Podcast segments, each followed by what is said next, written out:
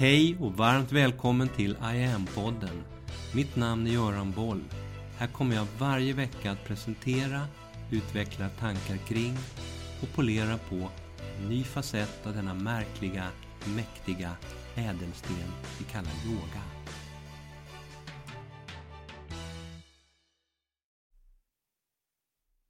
Hej och varmt välkommen till I am-podden och det fjärde avsnittet i miniserien den metafysiska resan som under några veckor handlar om hur man lite mer på djupet, rent metafysiskt, kan ha nytta av lite mer yoga i livet och tillvaron. Och om du inte har lyssnat på avsnitten 140, 41, 42 så rekommenderar jag att du för sammanhangets skull börjar där. Jag brukar säga att yoga är en av det här århundradets viktigaste kompetenser. Och som världen utvecklas så verkar det bli allt viktigare för varje vecka som går i det här århundradet av eskalerande psykisk ohälsa. Samtidigt som yoga blir allt mer populärt över världen så är den samtidigt en av de äldsta andliga holistiska discipliner vi känner till. Den ursprungliga betydelsen i sanskrit är just andlig disciplin. Och begreppet yoga vars rot i sanskrit är yuj, som betyder att länka eller att oka samman, handlar om att vi med yogans hjälp förenar oss med det högsta, klokaste, mest insiktsfulla i oss vår djupaste sanna natur. Yoga är en metod för självkännedom och balans som i sin kärna handlar om hur vi människor ska kunna uppleva mer av hela verkligheten. Syftet med all traditionell yoga är att fördjupa och transformera utövarens medvetenhet. Den indiske vishetsläraren Sadguru sa en gång om du lär dig att använda din kropp som ett instrument så är det det mest fantastiska, det mest kraftfulla instrumentet på planeten. Och yoga handlar om att inse att det är på det här viset. Slutcitat. Georg Feuerstein, ansedd som en av världens främsta auktoriteter på yogisk historik och filosofi och en av mina lärare, han listade i sin bok The Deeper Dimension of Yoga från 2003 tio grundläggande fundamentala principer för yoga. Han skrev så här. Yoga är en teknik för att frigöra människan och få henne att se allting klart. Eftersom vi alla är olika så finns det många olika former av yoga. Alla traditionella yogaformer har i sin kärna begreppet dharma, som står för att leva sant, sunt, rättfärdigt, etiskt, medkännande och andra liknande moraliska principer. Yoga är en mix av teori och praktik. Du behöver utöva teknikerna men också sträva efter att förstå de underliggande tankarna och principerna. Yoga kräver utövarens intention och strävan till förändring för att fungera. Yoga består i grunden av övningar och tekniker som repeteras och träning i att släppa taget om gamla vanor, mönster och bindningar. Ju närmare vi kommer fullständig balans och medvetenhet, desto vanligare blir vi. Yoga handlar inte om lyx, makt eller andra yttre attribut. Allt yogautövande innefattar ett element av pleasant surprise, behaglig överraskning, där olika lärare, mästare och gurus bidrar med sina förmågor för att öppna flödet för dig. Yoga bör förmedlas av en kunnig lärare för att utövaren ska kunna nå djupare nivåer av medvetenhet i sig själv. Och så den sista tionde punkten. Yoga är en gradvis, långsiktig process av avskalning. Där gamla mönster, präglingar och begränsningar skalas bort. För att släppa fram djupare insikter och visdom inifrån. Slut Georg Feuerstein. Yoga är verkligen en djupt fascinerande kombination av tanke, känsla, idé, vision, teori, praktik, metafysik och filosofi. Som i grunden har en bas av enkla övningar vars yttersta syfte är att låta dig komma i kontakt med och förstå en större, djupare verklighet. Jag beskriver själv den yoga som jag gör och förmedlar som I am, jag är yoga. Och yoga handlar om just det, inte om att bli någon eller något, utan befria oss från en begränsande självsyn och inse vad vi redan är. Fungera som verktyg för ett unikt inre utforskande av vem jag är och vad verkligheten egentligen består av. Den här processen, det egna gradvisa uppvaknandet till det som redan är, det är något som den yogiska traditionen alltid har pratat om och siktat mot. Historiskt så har alla de klassiska indiska filosofiska verken som jag berört och pratat lite om i de senaste poddarna, de har förmedlat yogans djupa tankar på de här områdena. Vedaskrifterna och panishaderna Mahabharata med Bhagavad Gita med flera. En person och ett verk som mer än andra tillskrivs att ha förmått sammanfatta den yogiska filosofin på ett sätt som vi har kunnat ta till oss även idag, det är Patanjali och hans Yoga Sutras. Exakt vem Patanjali var, det vet man inte. Forskarna tvistar, men i den texten som formulerades för cirka 2000 år sedan så presenterar han yogans principer i skrift för första gången på ett mer systematiskt sätt. 2000 år sedan. Långt senare, slutet av 1800-talet, så kom yogin Swami Vivekananda till Chicago där hans föreläsning 1893 ses som startskottet för yogan i väst. I sin bok Raya Yoga från 1896, som faktiskt kom ut på svenska redan 1933, väldigt tidigt, så beskrev och återgav han Patanjali Yoga Sutras. Och Vivekananda bidrog på det sättet till att återuppliva intresset för en text som då hade varit helt bortglömd i 700 år. Patanjalis 196 stycken korta så kallade aforismer eller sutras. De var väldigt stora under en period. De översattes under medeltiden till ett 40-tal olika indiska språk, översattes till arabiska, javanesiska. Men mellan 1100 ungefär, när korstågen började och fram till slutet av 1800-talet, så låg av någon anledning de här texterna helt i glömska.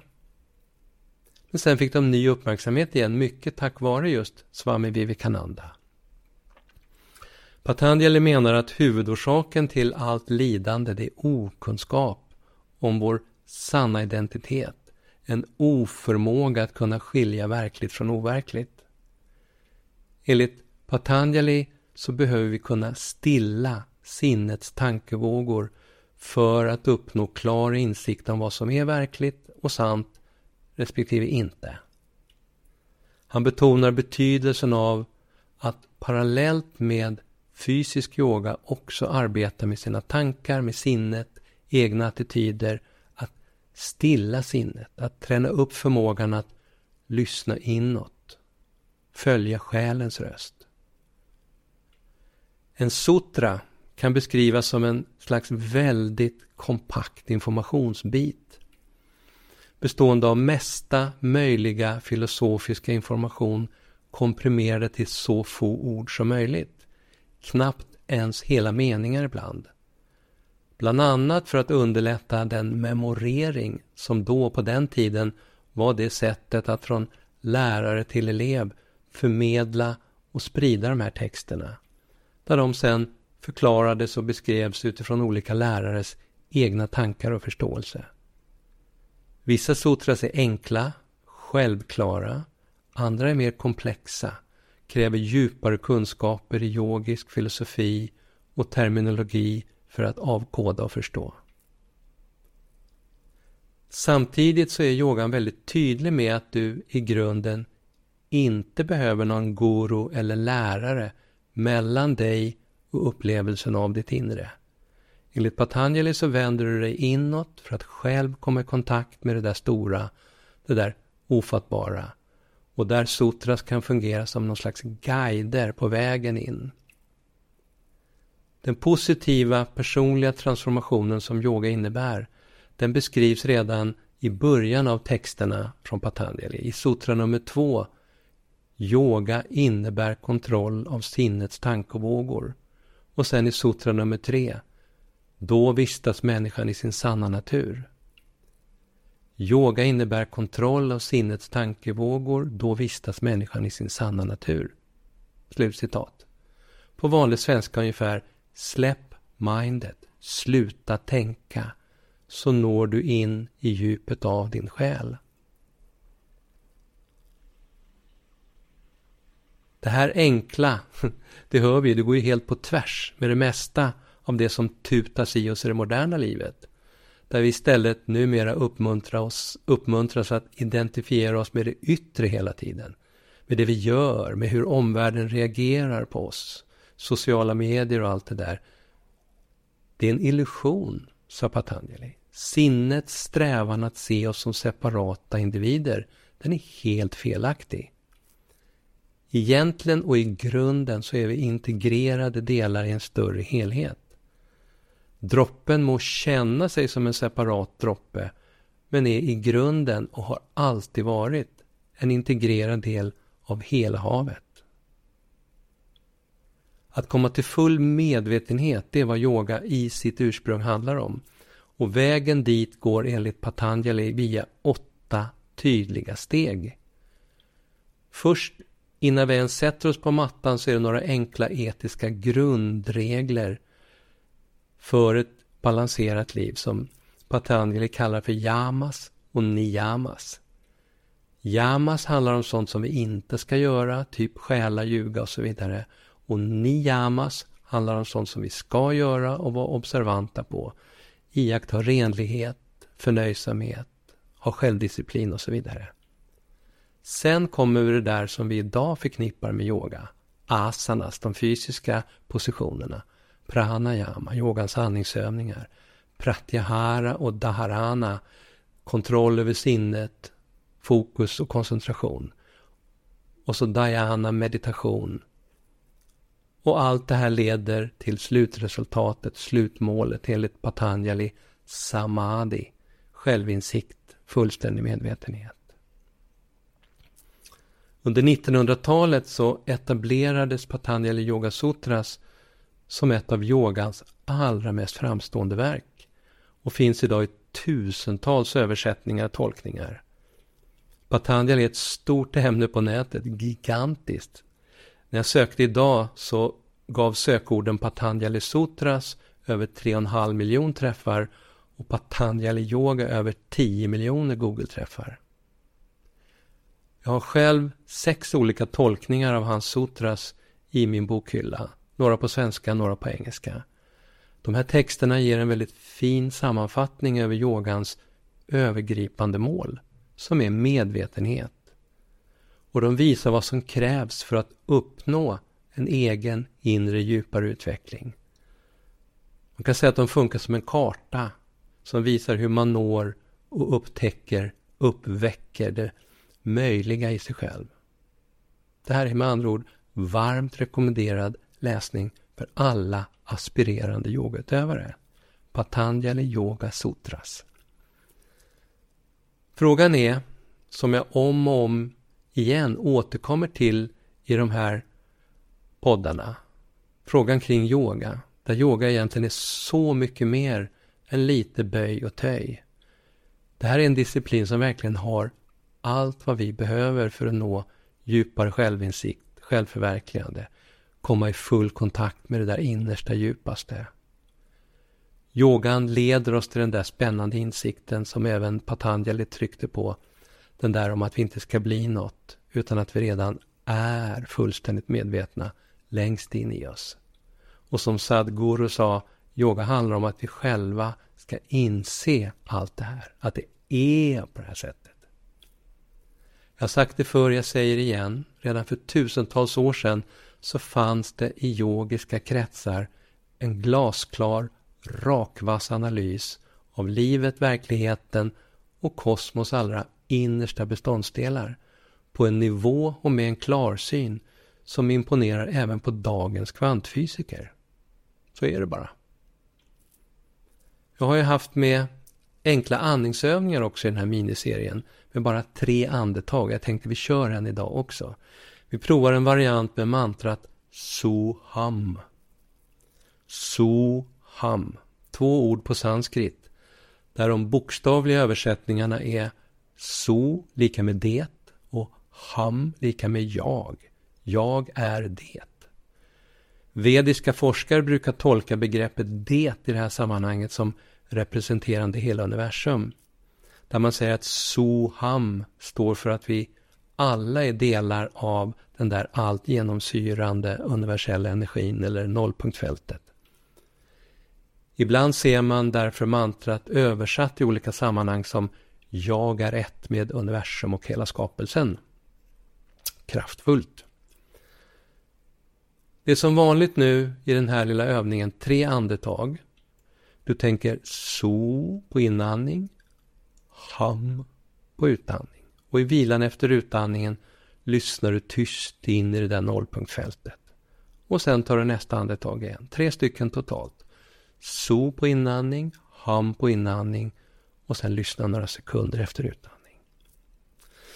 Okej, okay, då börjar vi. Jag guidar. Känn att du sitter eller ligger bekvämt. Slut dina ögon. Slappna av i axlar och käkar. Sträva att släppa alla tankar. Och andas in ett lugnt, djupt andetag in genom näsan. Tänk so.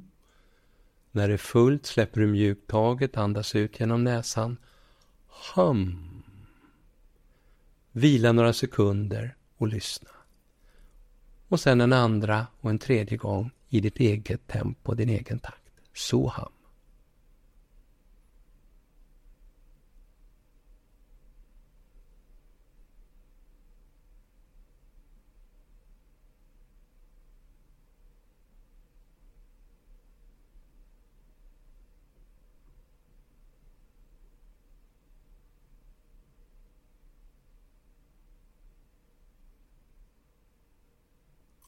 Och det här kan du göra så ofta du vill.